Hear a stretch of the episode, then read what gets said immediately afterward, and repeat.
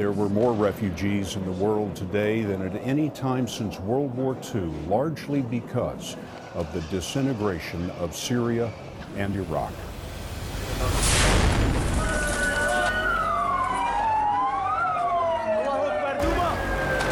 This is why half Syria's population has fled. Why millions of parents want to get their children out of harm's way.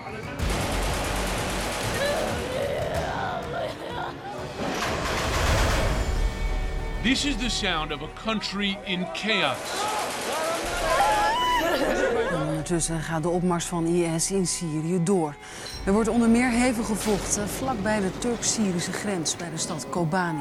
Power cuts mean that the nights are dark. So's the future.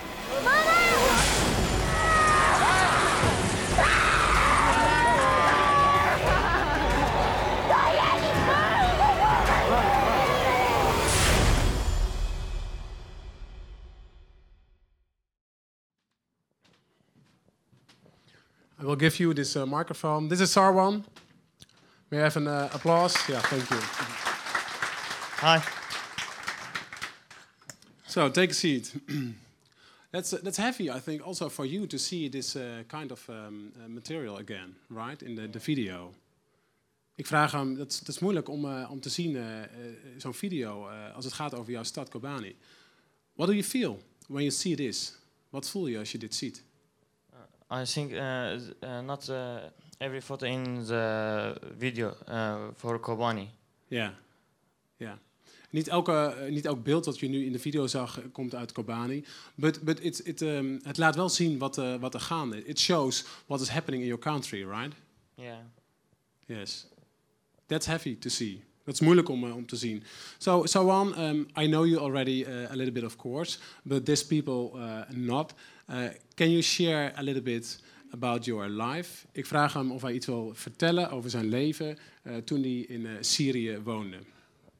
Yes. Uh, my name is Sarwan. I'm 90 years old. Mijn naam is Sawan, ik ben 19 jaar oud. from Kobani, Ik kom uit Kobani, but I live uh, in Aleppo city. maar ik leefde in Aleppo, de, st- de hoofdstad of de stad. Uh, after the war uh, began, we moved to the Kobani. Uh, na de, eh, toen de oorlog startte, zijn we vanuit Aleppo verhuisd naar Kobani, aan de rand, bij, aan de rand met Turkije. Uh, I'm a student uh, in a high school. En ik eh, studeer aan de middelbare school, de high school.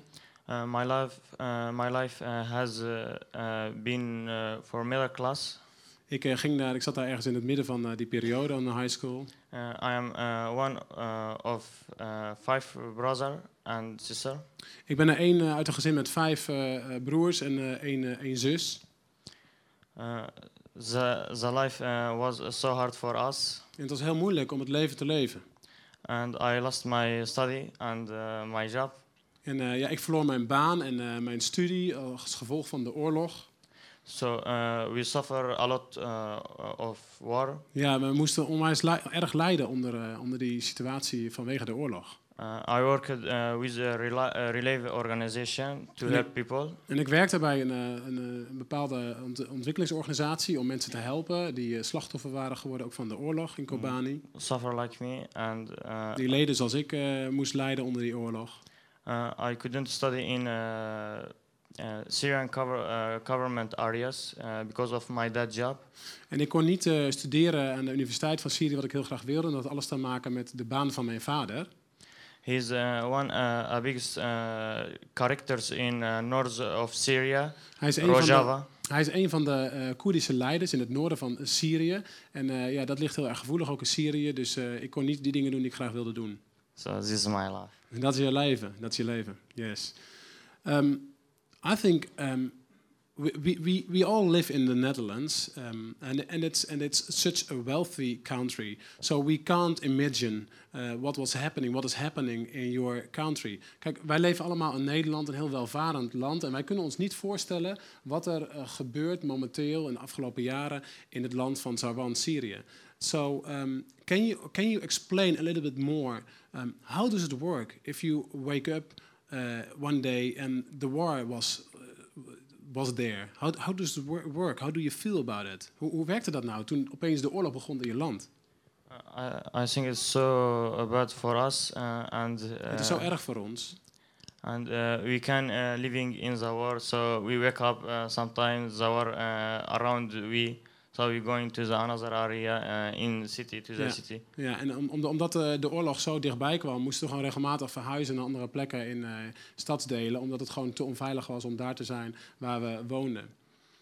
Ehm, we hebben ook wat beelden die je zal zien zo dadelijk ook over eh, de situatie. En eh, het is eh, eigenlijk heel hartverscheurend om gewoon van Sarwan te horen dat eh, hij gewoon, als je naar de beelden kijkt, gewoon exact kan aangeven. Daar zat de groenteboer en daar eh, was eh, de kledingzaak waar ik regelmatig mijn eh, kleren kocht. Ehm Sarwan, ehm, there came one day that you had to run out your city, run out Kobani, run out your country. You had to flee. Um, how does that work? That you make a decision? Because I think it's such a hard decision to, to make the decision. I had to flee. I will left my country, my family, to go away. Ik vraag aan, hoe werkt dat nou? Dat er een moment kwam dat je dus die keus moest maken. Ik moet Kobani, mijn stad, vanwege de dreiging, vanwege terreur en vanwege alles wat kapot gegooid is. Ik, ik moet mijn land, ik moet mijn stad verlaten. How does it, how does it work? I, I think I have a runaway uh, of uh, Jij moest uh, vluchten.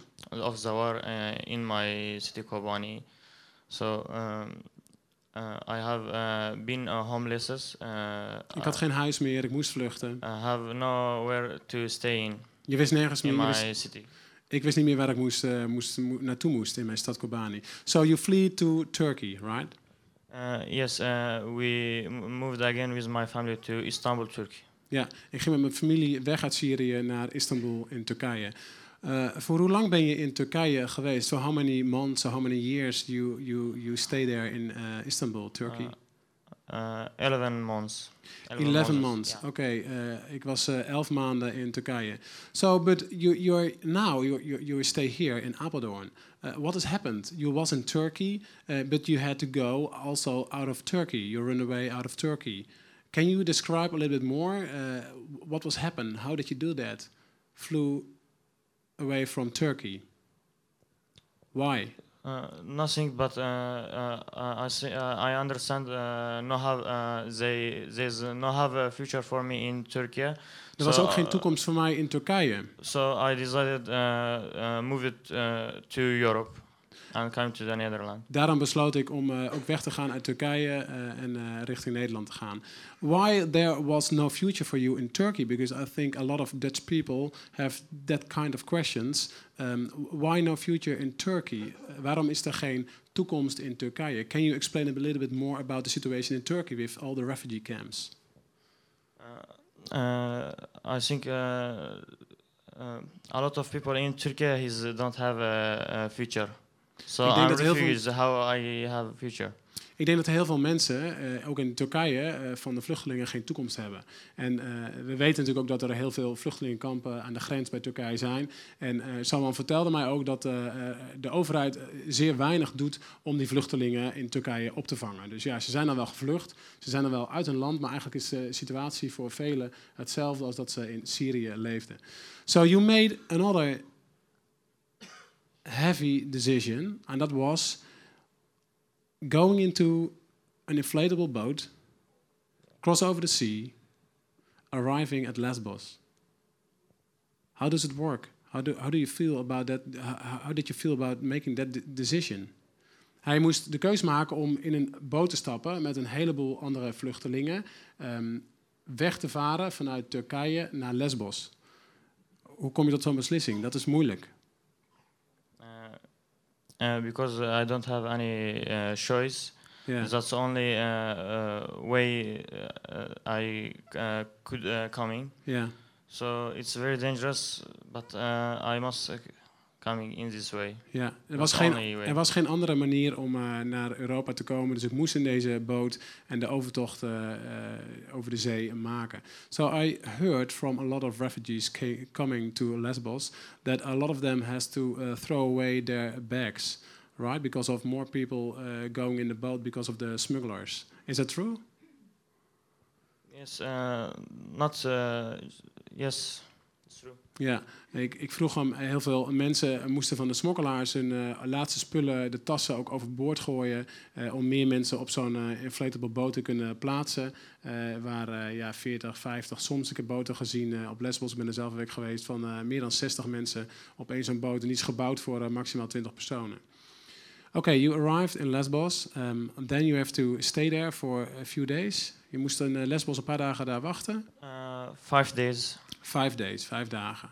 And then you make uh, the trip uh, by boat uh, with the ferry to Greece, uh, to Athene, uh, going to the Yes. Balkan. Yeah. Okay. Um, we see some pictures about you waiting uh, uh, in the harbor of, uh, of Lesbos. Um, you had to sleep uh, in a hotel or something? No, in a free free area. Gewoon uh, in de buitenlucht? like like street. Oké, gewoon op de straat heb, je, heb je geslapen. Uh, how long does it take, the whole trip, uh, going out, run away from Syria uh, until you arrived here in the Netherlands? Uh, 18 days. 18 days, oké, 18 dagen heb je erover gedaan. Almost three weeks. Mhm. So then um, you, you, you made a trip and you arrived in the Netherlands. Can you explain a little bit more about um, your feelings and what, and what you see in the Netherlands? Kun je iets meer vertellen over uh, wat je ervaren hebt uh, toen je in Nederland aankwam? About the, about, about the Dutch culture. Uh, wh- what did, did you uh, feel about uh, the Dutch people? Was it a warm welcome, welcome or not? Uh, yes, uh, I see that uh, Dutch people. Uh, it uh, was uh, very very good uh, help us, and Yeah. I'm very happy to Dutch people help us. Ja. De Nederlanders hebben ons eh, bijzonder goed geholpen, ook in Apeldoorn, in, eh, in, een, in een welkom geven eh, als vluchteling. So, so one, one of the last questions. Um, I, it's difficult for us as Dutch people. It's really difficult to understand what you ha you has through uh, what you have experienced the last years. Um, people are really there. Dutch people they, they give you a welcome, but they're also really critical uh, Dutch people about the whole situation. Coming so many refugees to Europe. What would you say to to that kind of people? What would you say to us as Dutch wealthy people? How can we help you the most? Ik vraag hem, hoe kunnen wij als Nederlanders jou als vluchteling het beste helpen? Wat is nodig? Uh, I think uh, we need you to do uh, real activities, uh, like uh, help us to learn Dutch language. Ja, een belangrijk ding is eh, dat je als Nederlander ons als vluchteling helpt in de periode dat we hier zijn om de Nederlandse taal te leren en de cultuur wat meer te begrijpen. And uh, we ask the uh, government uh, about uh, help uh, help us about ISOs. And uh, ja, de, tweede is, eh, de tweede is dat we heel graag willen dat ook jullie regering, even als andere regeringen in Europa, ons helpen tegen de strijd rondom de radicale ISIS. and uh, make fast decisions. En maak snelle beslissingen met elkaar hoe we eh, eh, ehm, eh, ons het beste kunnen helpen. Okay, so one last question. Um, um, on your trip, what, what, what, has, what has made the most impact in your life on your trip going to Europe? Ik vraag hem de laatste vraag. Wat heeft het meeste impact gehad eh, in, eh, in jouw leven tijdens de reis de afgelopen drie, vier weken? What experience has had the most impact in your life on I the trip? feel uh, so bad about uh, I going to the uh, very away in my city Yeah, and in my country. yeah. So it's To make the decision to run away out of your country, it's so hard for me. that's really hard. So we will pray for you. God bless. Thank you. Thank you. uh, Okay, dankjewel. Yeah. Thank you so much. Microfoon, ja. We hebben nog ehm een andere vraag. En eh, dat is zeg maar het verhaal wat we hier in Nederland gewoon natuurlijk in Apeldoorn eh, met elkaar hebben laten zien. Een heleboel ehm, mensen, een heleboel Apeldoorners zijn opgestaan aanleiding van dat burgerinitiatief van je net en van mij, gastgezin voor een vluchteling, waar we heel blij mee zijn. Om als mensen hier dan zijn, hè, de situatie terechtgekomen zijn om als vluchteling asiel aan te vragen, eh, er zijn er natuurlijk een heleboel meningen. En die zijn heel terecht. Er zijn een heleboel vragen en, en, en dat, dat, dat is heel terecht nogmaals. Uh, tegelijkertijd uh, ervoeren je net en ik heel duidelijk gewoon de, de ja, opdracht. Of, of, we wilden heel graag een positief statement afgeven. En, en zeggen. Um, als hier dan vluchtelingen zijn, ja, wat kun je dan beter doen dan in ieder geval te zorgen, als ze hier tijdelijk zijn, om ze zo goed mogelijk te laten integreren en iets van onze tijd, onze aandacht, onze liefde te geven aan ook deze medemensen. Nou, er zijn een heleboel mensen geweest die daar gehoor aan gegeven hebben. Heel overweldigend. Ook vanuit de basis zijn er veel mensen betrokken geraakt op dat initiatief. En uh, die, die, die, die, maken veel contact met de vluchtelingen. En één uh, uh, echtpaar die dat ook doen, dat zijn Clement en Jenet Roorda. En Jenet, ik heb jou gevraagd om even kort hier naar voren te komen. Om te delen hoe jij dat nou ervaart als gastgezin voor één of meerdere vluchtelingen. Welkom.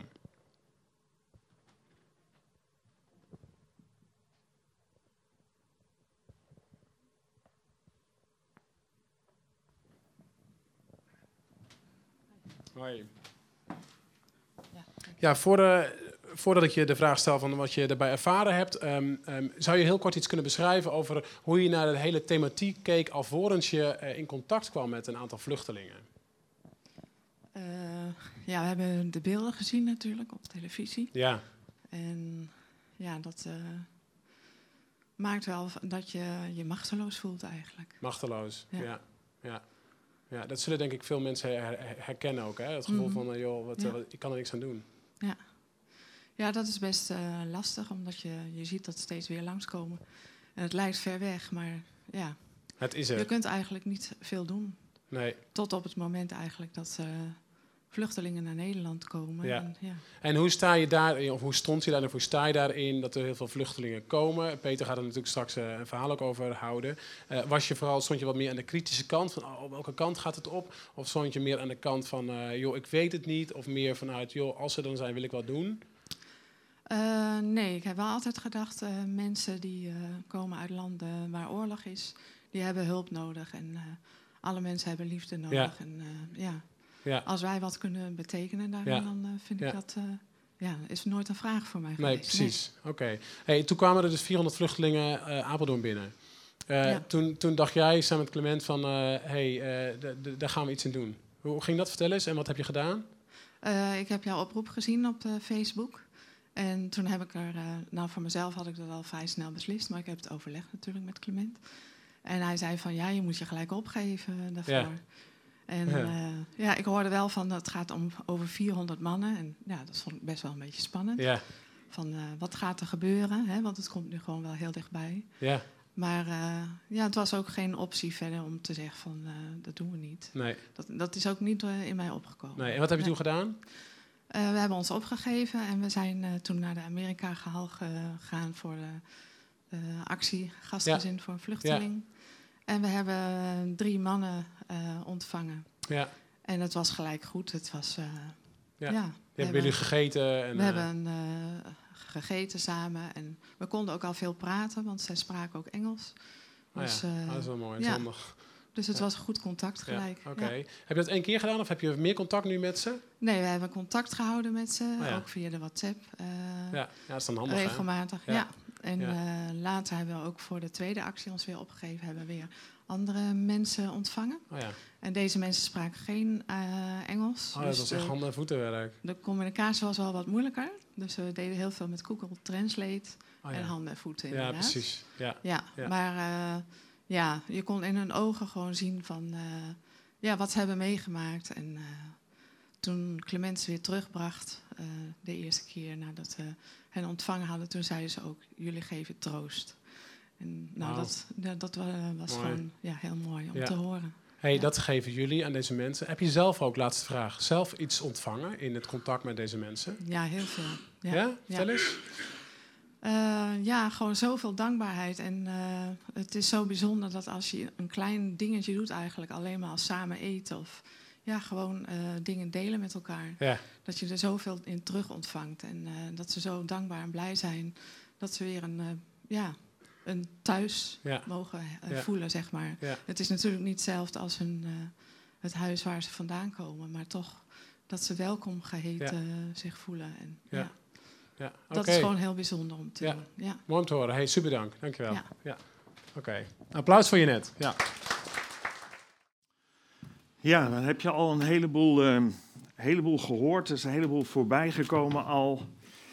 Ehm, en dit is weer een van de vele ehm, geluiden natuurlijk die je hoort. Iemand wat dichterbij komt, een vluchteling. Dankjewel. Um, iemand die iemand in huis heeft gehad. En eh, dat betekent ja, weer een indruk eigenlijk. Het laatste deel van deze serie, wat we ons niet voorgesteld hadden dat dat uh, zo ingericht zou worden zoals we het vandaag doen, staan ook hele andere vragen centraal, dat is inmiddels wel duidelijk geworden, dan de vragen die we in eerste instantie geselecteerd hadden voor deze dienst. Um, heel actueel natuurlijk is op dit moment het vluchtelingenprobleem. Uh, vluchtelingen die in grote getalen, echt heel grote getalen, Europa binnenkomen. Nederland binnenkomen. En logisch dat daar heel veel vragen over zijn, meningen over zijn. En die vragen willen we in de basis ook niet uit de weg gaan. Ik hoef de vragen die er zijn niet op het scherm te zetten zoals ik dat afgelopen weken heb gedaan in deze serie. De vragen hoor je iedere dag op het nieuws en zie je op tv. Het zijn vragen die je in, je, in jezelf opkomen. Sommigen zien de vluchtelingen als een kans, zie je in de media. Anderen zien de vluchtelingen die in Nederland komen als een enorme bedreiging. Sommige mensen zijn ontzettend boos over het feit dat er zoveel vluchtelingen in Europa binnenkomen. Andere mensen zijn ontzettend bang en weer andere mensen blij om wat er gebeurt. Sommige mensen komen in beweging om vluchtelingen te helpen. Zoals het initiatief wat we hier net ook hoorden van Jurien en Jenet. Anderen komen in beweging om de vluchtelingen te weren. Of ze weg te jagen. Of tegen te gaan. Of tegen te houden. En de media staat bol van het nieuws over vluchtelingen. Soms wordt er positief over vluchtelingen gesproken, soms negatief. Soms wordt angst aangewakkerd in de stukken die worden geschreven. Soms wordt geschreven dat het allemaal niet zo'n vaart loopt en dat we ons allemaal zorgen maken om niks. Soms wordt de media gebruikt om de publieke opinie, dus onze kijk op de zaak, naar uiterst links te bewegen. Soms wordt de media gebruikt om het naar uiterst rechts te bewegen. Soms wordt de waarheid gesproken, maar soms is de media de spreekbuis van niks meer dan sensatie, roddel en leugens. Maar wat moet je er in vredesnaam van vinden? Misschien slingert jouw mening ook wel heen en weer. Misschien is jouw mening de afgelopen periode wel tien keer veranderd. En dacht, ja, ja, daar zit ook wat in. Oh, nu lees ik, de, ja, maar daar zit ook wat in. Wat moet je er nou mee? Van alle onderwerpen die hier in de afgelopen tien jaar dat de basis bestaat voorbij zijn gekomen, vind ik dit wel een van de moeilijkste onderwerpen. Juist omdat er zoveel verschillende facetten en kanten aan zitten. Het is een ingewikkeld en complex probleem. Lastig om iets over te zeggen, omdat er zoveel meningen en gevoelens zijn. Ik zei net al, is veel verdeeldheid, veel angst. En vaak is die angst gebaseerd op het feit dat veel vluchtelingen komen uit moslimgebieden. Dat veel vluchtelingen moslim zijn. En we zien regelmatig de beelden van de radicale moslimgroepen. Denk aan de IS en Al-Qaeda en Hezbollah en Hamas. Die op basis van uitspraken van de profeet Mohammed, die te vinden zijn in de Koran, dingen doen en zeggen die geheel passen binnen hun ideologie en hun religie, maar voor ons bedreigend en afschrikwekkend zijn. En wat hun doelstellingen zijn, de doelstellingen van deze radicale moslimgroepen, ja, dat steken de vertegenwoordigers van deze groepen niet onder stoelen of banken. In een artikel dat ik las staat het volgende. Niet zo lang geleden preekte Sheikh Ibrahim Medairis in een moskee in de Gazastrook. Het werd live uitgezonden in de hele Arabische wereld. Dat zijn een hoop mensen. En de tekst van die preek is later de gehele wereld rondgegaan. Daarin vindt men de alarmerende doctrines en instellingen die in veel moskeeën en islamitische scholen worden geleerd en gepredikt. Een paar stukjes, een paar gedeelten uit zijn toespraak lees ik voor. Hij zei, met de stichting van de staat Israël, wat in 1948 plaatsvond, heeft de hele islamitische natie verloren, want Israël is een kankergezwel. De Joden zijn een virus dat op aids lijkt, waar de hele wereld van te lijden heeft. U zult ontdekken dat de Joden achter alle burgerlijke onrust in de hele wereld hebben gezeten. Waar hebben we dit eerder gehoord? De Joden zitten achter het lijden van de volken. Wij, zei deze man, de moslims hebben ooit over de hele wereld geheerst. En bij Allah, de dag komt dat we weer over de hele wereld zullen heersen. De dag komt dat we over Amerika zullen heersen. De dag komt dat we over Groot-Brittannië en de hele wereld zullen heersen, behalve over de Joden. De Joden zullen onder ons bestuur geen rustig leven genieten, want ze zijn van nature verraderlijk. Dat zijn ze de hele geschiedenis door geweest. De dag komt dat alles van de Joden verlost zal zijn. Luister naar de profeet Mohammed, zei hij, die jullie vertelt over het kwaad dat de Joden te wachten staat. De stenen en bomen zullen willen dat de moslims elke Jood afmaken. Door deze in de hele Arabische wereld uitgezonden toespraak en vele andere toespraken die van deze vertegenwoordigers van radicale moslims op het internet te vinden zijn, wordt duidelijk dat ze zich presenteren als vijanden van Amerika, van Israël, van West-Europa, van het christendom. En als doel hebben deze landen te domineren en de Joden te vernietigen. Waar komt toch deze hardgrondige haat vandaan, die al zoveel eeuwen de boventoon voert in deze gebieden? Volgens mij gaat deze haat terug naar de tijd van Abraham. Abraham kreeg twee zonen. Ismaël en Isaac. Ismaël was niet de zoon van de vrouw van Abraham, maar van een Egyptische bijvrouw. En Isaac was de zoon die hij en zijn vrouw Sarai na de geboorte van Ismaël op hoge leeftijd nog kregen. Het hele verhaal, het is te lang om het helemaal te vertellen. Het hele verhaal kun je lezen in het begin van, van de Bijbel en het Bijbelboek Genesis. Tussen de twee moeders, Sarai, de vrouw van Abraham, en Hagar, de slavin van Sarai en de bijvrouw van Abraham, was grote rivaliteit. Wat uiteindelijk leidde tot een onhoudbare situatie in dat gezin. Je zou kunnen zeggen, een samengesteld gezin, zoals wij dat tegenwoordig veelvuldig tegenkomen, dat is al ingewikkeld genoeg. Maar nu maakten ook nog beide moeders van de twee zonen onderdeel uit van dat gezin. Nou, dan heb je alle ingrediënten voor een spannende aflevering van goede tijden, slechte tijden. Als je dit bij elkaar hebt. En op zeker moment escaleerde dat ook en eiste de vrouw van Abraham dat Hagar met haar zoon Ismaël zou vertrekken. En dan staat er het volgende in de Bijbel.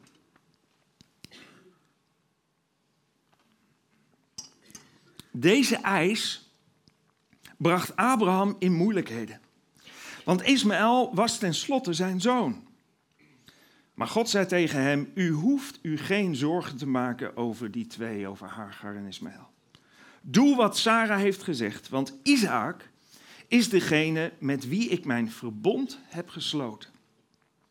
Het nageslacht van Hagars zoon zal ik ook tot een groot volk maken, omdat hij ook een zoon van u is. En een paar versen verder lezen we dat God het volgende nog zegt over Ismaël, of dat het volgende gebeurde met Ismaël, de zoon van Hagar. God zegende de jongen die in de woestijn van Paran opgroeide en een uitstekende boogschutter werd. Het volk van Israël zijn de nakomelingen van Isaac. De nakomelingen van het volk waar God een verbond mee sloot. Eigenlijk de zoon die ondanks het feit dat hij niet de eerstgeborene was, toch de erfenis van Abraham kreeg. En de Arabische volken zijn de nakomelingen van Ismaël. De zoon die met zijn moeder werd weggestuurd vanwege het groeiende conflict. En ik denk vanwege dat, dat wegsturen, maar ook vanwege de keus die God maakte om Isaac aan te merken als erfgenaam en niet Ismaël, de eerstgeborene, dat dat het fundament is van de haat en de rivaliteit die we eigenlijk nu nog steeds zien. Ismaël, zo kun je later ook lezen in de Bijbel, en zijn nakomelingen, hij was ondanks de zegen die hij kreeg, jaloers op zijn halfbroer Isaac. En liet zich op grond van deze jaloezie, wat natuurlijk koren op de molen is voor de tegenstander van God, het kwaad.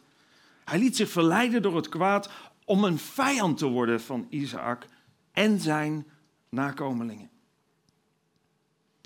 Alle eeuwen die daarna volgden, werden de nakomelingen van Isaac bedreigd door de nakomelingen van Ismaël.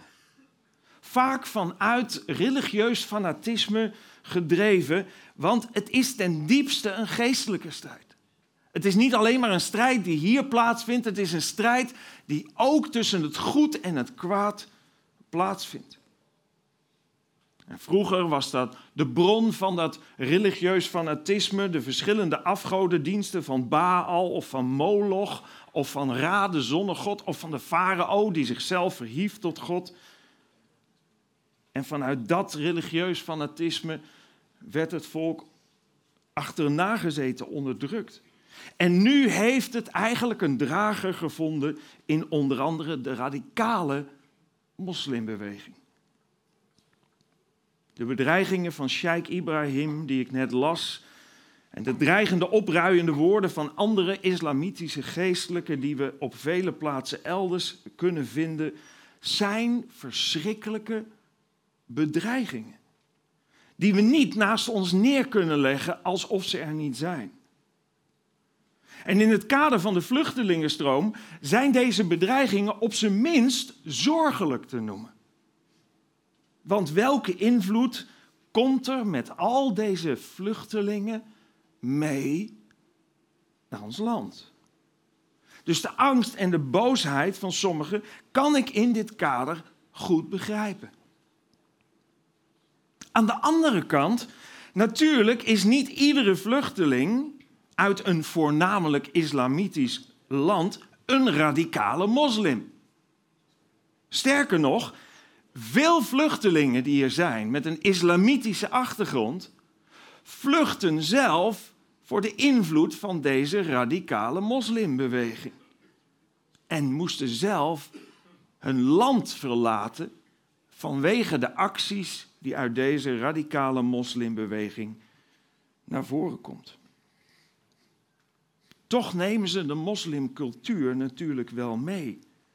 En de vraag is ook, wat zal daarvan op den duur het effect zijn op onze cultuur? Wat ook waar is, er komen niet alleen maar gematigde moslims of liberale moslims ons land binnen. Nee, ook meer geradicaliseerde moslims. Die vaak weinig subtiel hun plaats innemen, inclusief cultuur, geloof, ideologie en intimidatie en bedreiging. Ook een bedreiging overigens voor de gematigde of liberale moslim die als vluchteling hier zijn. Hoe je het er of keert, de invloed door de groei van deze mensen, deze vluchtelingen met hun cultuur en achtergrond, wordt groter. Ik las ergens, wat we op veel plaatsen zien, nu al zien, is een demografische revolutie. Oftewel een enorme verandering van de samenstelling van de bevolking. Sommige deskundigen verwachten dat in 2040 80% van de bevolking van Frankrijk moslim zal zijn. En dat is ook niet zo'n ingewikkelde rekensom, want wij Europeanen krijgen veel te weinig kinderen om onze cultuur in stand te houden, terwijl de mensen uit die culturen gewend zijn om meer kinderen te krijgen en veel sneller, oftewel de vermenigvuldigingsfactor gaat snel. Het artikel gaat verder en zegt op dat moment, dat ze 80% van de bevolking moslim is, op dat moment zal de islamitische meerderheid de handel en de industrie, het onderwijs en de godsdienst in dat land in handen hebben. Dat is logisch. De regering zullen de islamisten natuurlijk ook in handen hebben. Evenals alle sleutelposten in het Franse parlement. En een moslim zal de president zijn. De vraag is, hoe komt het dat deze toch reële bedreiging voor Frankrijk, maar ook deze reële bedreiging voor de rest van Europa, deze reële bedreiging voor onze joods-christelijke cultuur ongeremd door kan gaan?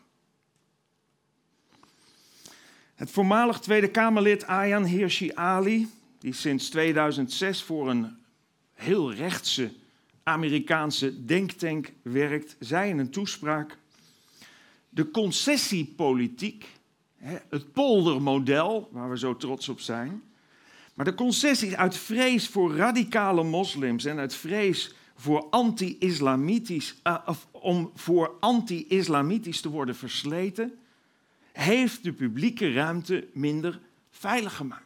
Oftewel, ze zegt, we worden door angst gedreven, niemand durft iets anders te zeggen, want dan ben je anti en je mag niet anti zijn.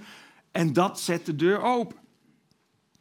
Iemand anders schreef, in onze haast om democratisch en tolerant te zijn en niemand buiten te sluiten, spelen we onwillekeurig de radicale agenda van de islamitische verovering in de kaart. En let wel, we hebben het nog steeds over de radicale moslims, maar ook over de moslimcultuur. Wat dat betreft is het bijna komisch, vind ik, dat juist Frankrijk het eerste land is dat dreigt volledig islamitisch te worden. Want daar werd volgens mij in de 18e eeuw het fundament voor deze tolerantie gelegd.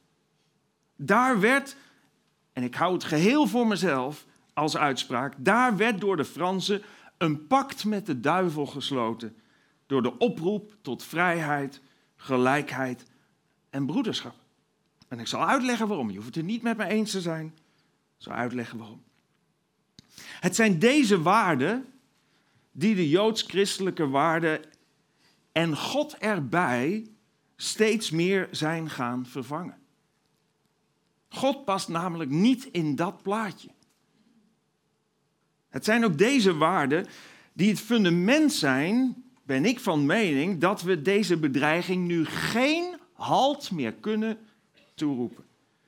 Tenzij we ons hiervan bekeren. Eigenlijk zou je kunnen zeggen eigen schuld, dikke bult. Of we moeten geen boter op ons hoofd hebben voor datgene wat ons overkomt of misschien bedreigt. Vrijheid klinkt mooi en klinkt nobel en klinkt aantrekkelijk, maar is een voedingsbodem voor egoïsme en chaos.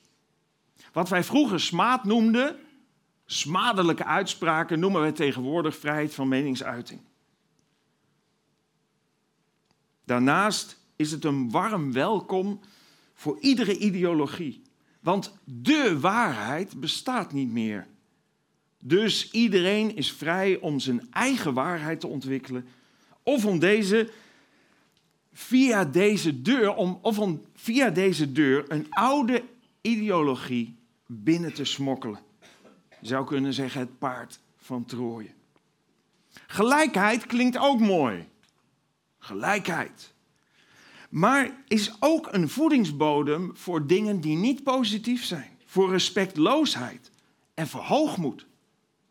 Wie denk jij wel dat je bent om wat ik denk en doe te be- of veroordelen? We zijn immers allemaal gelijk. Ik bepaal zelf wel wat ik doe.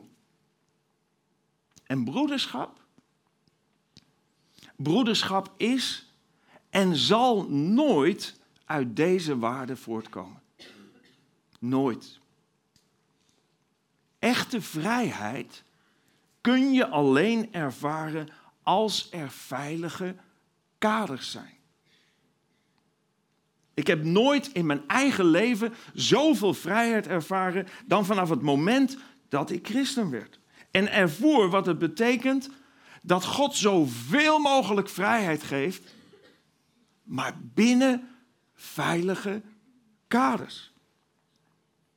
De beroemde koning David zei het volgende over die kaders van God. Ik heb het wel vaker gelezen. Hij zegt, de richtlijnen van de Heer zijn volmaakt. Ze geven levenskracht. Wat de Heer afkondigt is betrouwbaar. Het maakt de onervarene wijs. Wat de Heer beveelt is juist. Het is een bron van vreugde. Is het een beperking? Ja, het is geen ongebreidelde vrijheid. Nee, het is zoveel mogelijk vrijheid binnen veilige kaders van liefde. Wat de Heer gebiedt is zonneklaar, de ogen gaan ervan stralen. Het woord van de Heer is zuiver, altijd blijft het gelden. De uitspraken van de Heer zijn betrouwbaar, hun juistheid valt niet te betwisten. Ze zijn begerenswaardiger dan goud, dan het allerzuiverste goud. Ze zijn zoeter dan honing, dan honing zo uit de raad. Alleen al het feit voor mijn leven dat ik ervaar dat Gods kaders echt werken, is voor mij een reden te geloven dat God bestaat. Naast een heleboel andere redenen. Maar dat is een veilige vrijheid en geen ongebreidelde vrijheid die leidt tot chaos. Gelijkheid is ook geen Bijbels concept. De Bijbel spreekt namelijk niet over gelijkheid, maar over gelijkwaardigheid. We zijn allemaal gelijkwaardig in Gods ogen. Of we nou in Europa wonen, of we nou voortkomen uit Isaac of Ismaël of waar ook vandaan. In Gods ogen zijn we allemaal gelijkwaardig. Maar niet gelijk. Gelijkheid leidt tot ontwrichting. Als iedereen hetzelfde is, als er geen enkele rang of stand meer is, als er geen leiding en structuur meer is, wordt het overal een chaos. En dat zie je in toenemende mate ook gebeuren. Het leidt tot ontwrichting op je werk, in je gezin. Het gebeurt er als je kinderen tegen je zeggen: Ja, maar waarom zou ik naar je luisteren? We zijn gelijk. En ik heb de rechten van het kind leren kennen op mijn school en daar zal ik je aan houden. En wat op school, hoe vaak horen we niet wat de consequenties zijn van deze gelijkheidsbegrippen op scholen, waar de leerkrachten niet meer leerkracht kunnen zijn. In je huwelijk. Ah, tuurlijk, hartstikke achterhaald. De man is het hoofd van het gezin of de man is het hoofd van zijn vrouw. Hartstikke achterhaald. Hebben we al lang afgeschaft. En oh, wat doen we het goed. Als het gaat om de huwelijken, waar bijna één op de twee huwelijken strandt op de gelijkheid. Terwijl gelijkwaardigheid hetgene is wat centraal zou moeten staan. En dat geldt voor de samenleving in het algemeen net zo. En bij die uitgangspunten, zoveel mogelijk vrijheid binnen Gods veilige kaders en bij gelijkwaardigheid in plaats van gelijkheid, daarbij ontstaat broederschap. Daarin ontstaat verbondenheid. Dat is een voedingsbodem waarin echte liefde en vergeving kan gedijen. Wil aan de band vragen om alvast het podium op te komen. We gaan zo naar een lied luisteren. We gaan nu even weer terug naar de actualiteit. Want we zijn in het verleden geweest van Abraham. En we zijn in het verleden geweest van de 17e eeuw, wat een voedingsbodem naar mijn mening heeft gelegd voor de, het feit dat we dit geen enkele manier meer een halt kunnen toeroepen. Maar nu terug naar de actualiteit. Want de mensen uit Syrië, uit Eritrea, uit Iran, uit Irak en ik weet niet waar allemaal vandaan, zijn inmiddels in Europa, in Nederland, in Apeldoorn. Dat ze hier zijn en hoeveel er nog komen, is een zaak van de politiek. Zo werkt dat in onze democratie. Je mag je stem laten horen, je mag stemmen, maar verder moeten we dealen met de realiteit. En daar voel ik vanuit mijn christen zijn. Dus dat hoef je niet met me te delen als je geen christen bent. Maar ik voel vanuit mijn christen zijn daar een verantwoordelijkheid. En ik zie een kans. Wat zie ik als ik naar deze vluchtelingen kijk? Wat wil ik zien als ik naar deze vluchtelingen kijk? Alles en iedereen, de media en mensen om me heen, ze willen allemaal mijn denken beïnvloeden, maar ik wil een stap terug doen. Uit alle commotie en te proberen te kijken naar de mens. Niet te kijken naar, naar wat ik niet veranderen kan, maar te kijken naar de mens. In mijn ogen allemaal schepselen van God.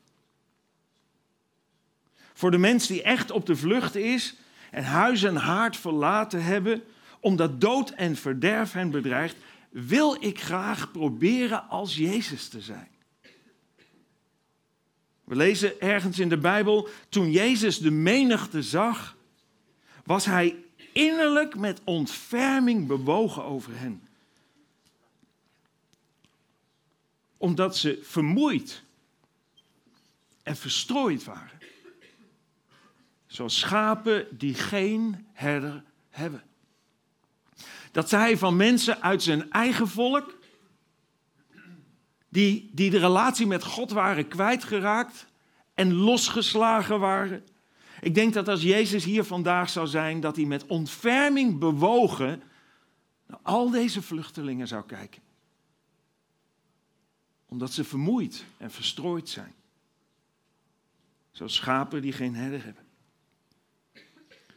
Maar wat doen we met die egoïstische gelukzoekers? Met die stiekeme radicale moslim? Met de vluchteling met de verborgen agenda? Met hen die niet het goede voor hebben met ons en met ons land? Ja, dat is een probleem, want dat staat niet op hun voorhoofd. Als het wel zichtbaar en duidelijk wordt de Bijbel zegt de overheid draagt het zwaard en moet zijn acties nemen. Helder verhaal.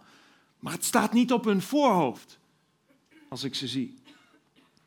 Natuurlijk kunnen mensen slecht zijn en kwade bedoelingen hebben.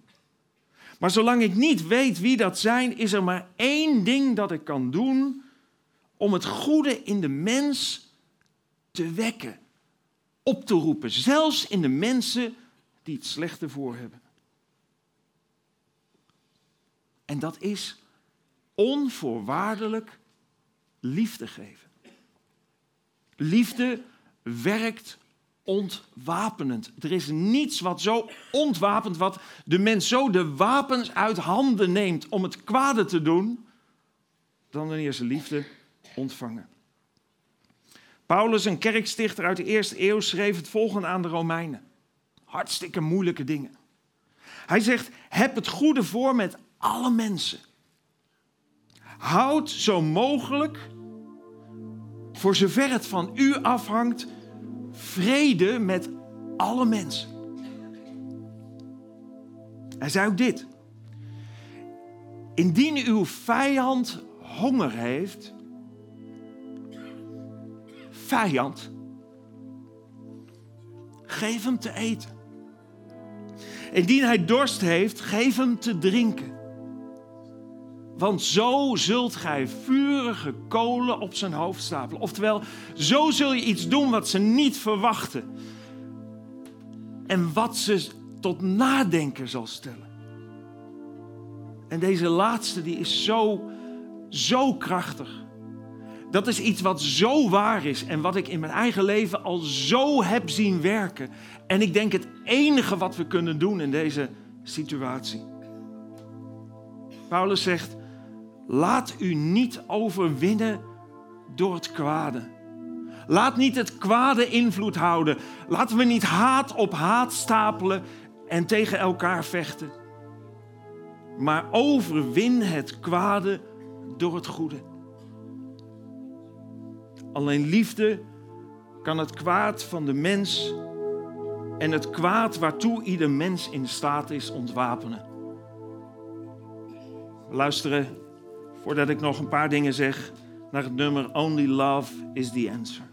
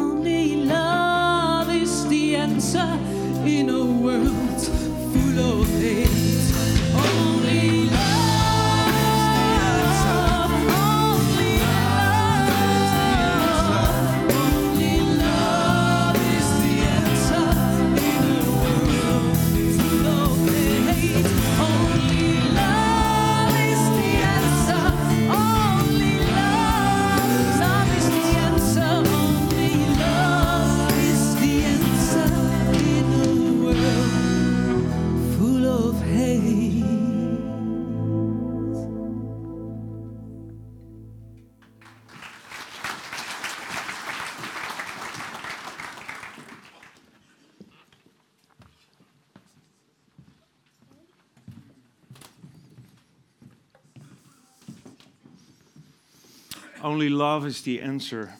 Alleen liefde is het antwoord in een wereld vol haat. En ik, natuurlijk, ik haat de ideologie van die radicale islam en de acties die daaruit voortkomen. Natuurlijk heb ik een hekel aan de hobby van veel Nederlandse hooligans en de actie die daaruit voortkomen. Ik heb een hekel aan mijn eigen fouten en tekortkomingen en de acties die daaruit voortkomen. Maar ik heb leren houden van de mens en de potentie die ieder mens heeft om een mooi mens te zijn. En ik wil graag leren en groeien om, om, om net zoals Jezus te zijn. Die ooit overigens zelf als vluchteling in Egypte heeft gewoond. En net als hij met ontferming bewogen te zijn met de mensen die op mijn pad komen. Dat is ook waarom ik zo enthousiast ben over die actie van Jurien en Jenet. Ik ben een gastgezin voor een vluchteling. Ik heb al een heel aantal keer, net als een heleboel anderen, een groep vluchtelingen aan tafel gehad. Kijk wat ze op hun bord hebben liggen. Hutspot en boerenkool, geloof ik. Als dat geen integratie is. Ik heb prachtige mensen ontmoet. Ook, dit is ook integratie, mens erger je niet, is dit. Ik heb prachtige mensen ontmoet. Mens die, mensen die net als ieder ander op zoek zijn naar hoop, naar vrede, naar liefde, naar geluk. En ik heb ze een stukje van Gods liefde mogen laten zien en daar ben ik dankbaar voor. En natuurlijk kunnen we niet iedereen opvangen in Nederland. Natuurlijk zitten er tussen de vluchtelingen ongure en onzuivere types. Natuurlijk is er een grote hoeveelheid mensen, is een grote hoeveelheid mensen uit een islamitische cultuur een bedreiging voor onze cultuur. Maar angst en haat is een slechte raadgever. En een veel grotere bedreiging in, voor ons allemaal is de toenemende goddeloosheid in Europa. Dat is wat ons nog voor veel grotere problemen gaat stellen. Dat is een voedingsbodem voor haat, voor dood en verderf.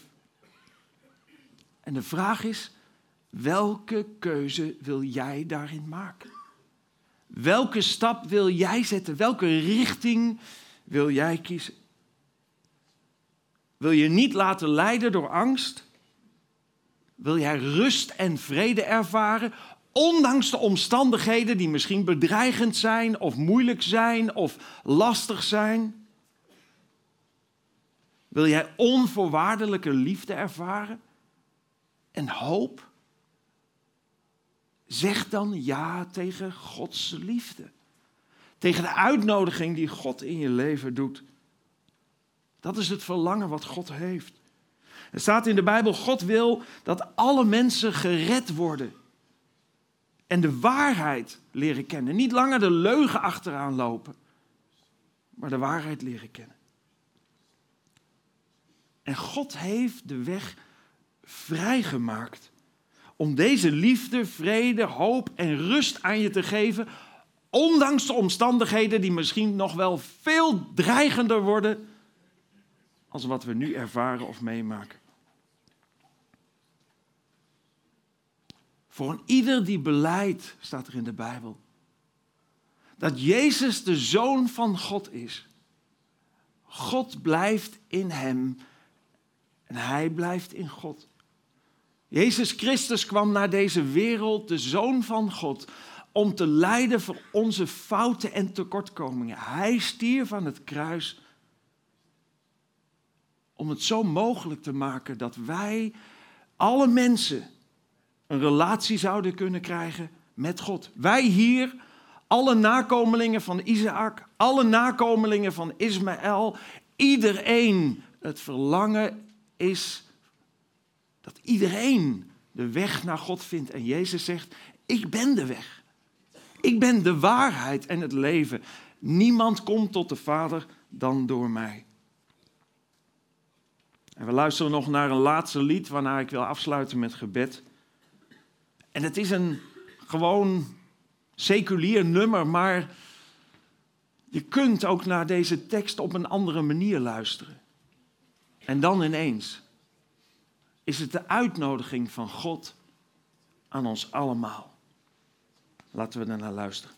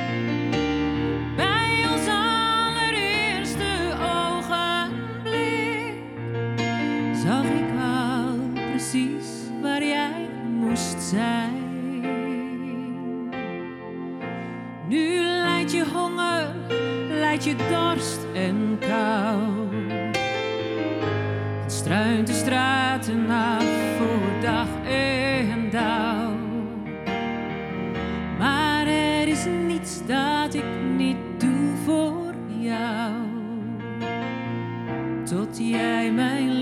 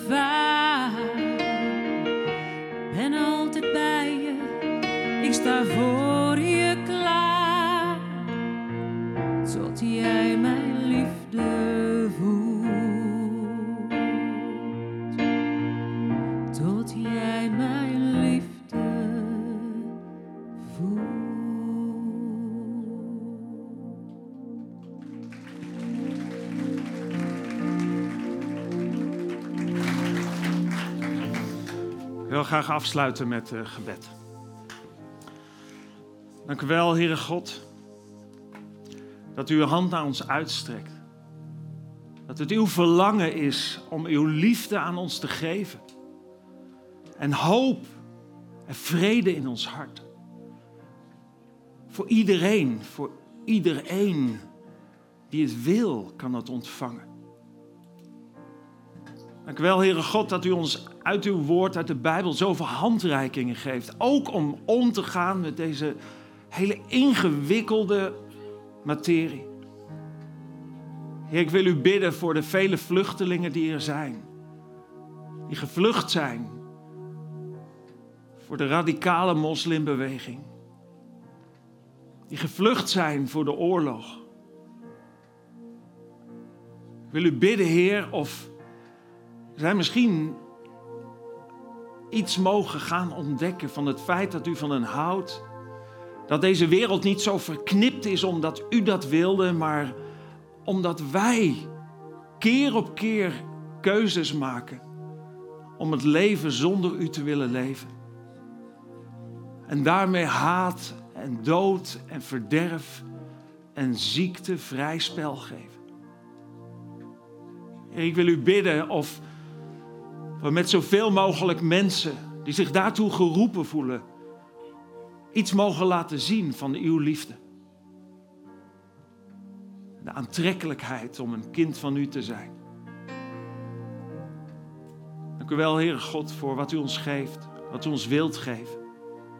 En ik wil u bidden, Heer, of u in het hart van ons allemaal uw liefde wilt planten. Wilt aankloppen aan ons hart. En ons wilt leiden in een leven zoals u het heeft bedoeld. Wilt u met ons mee op pad gaan?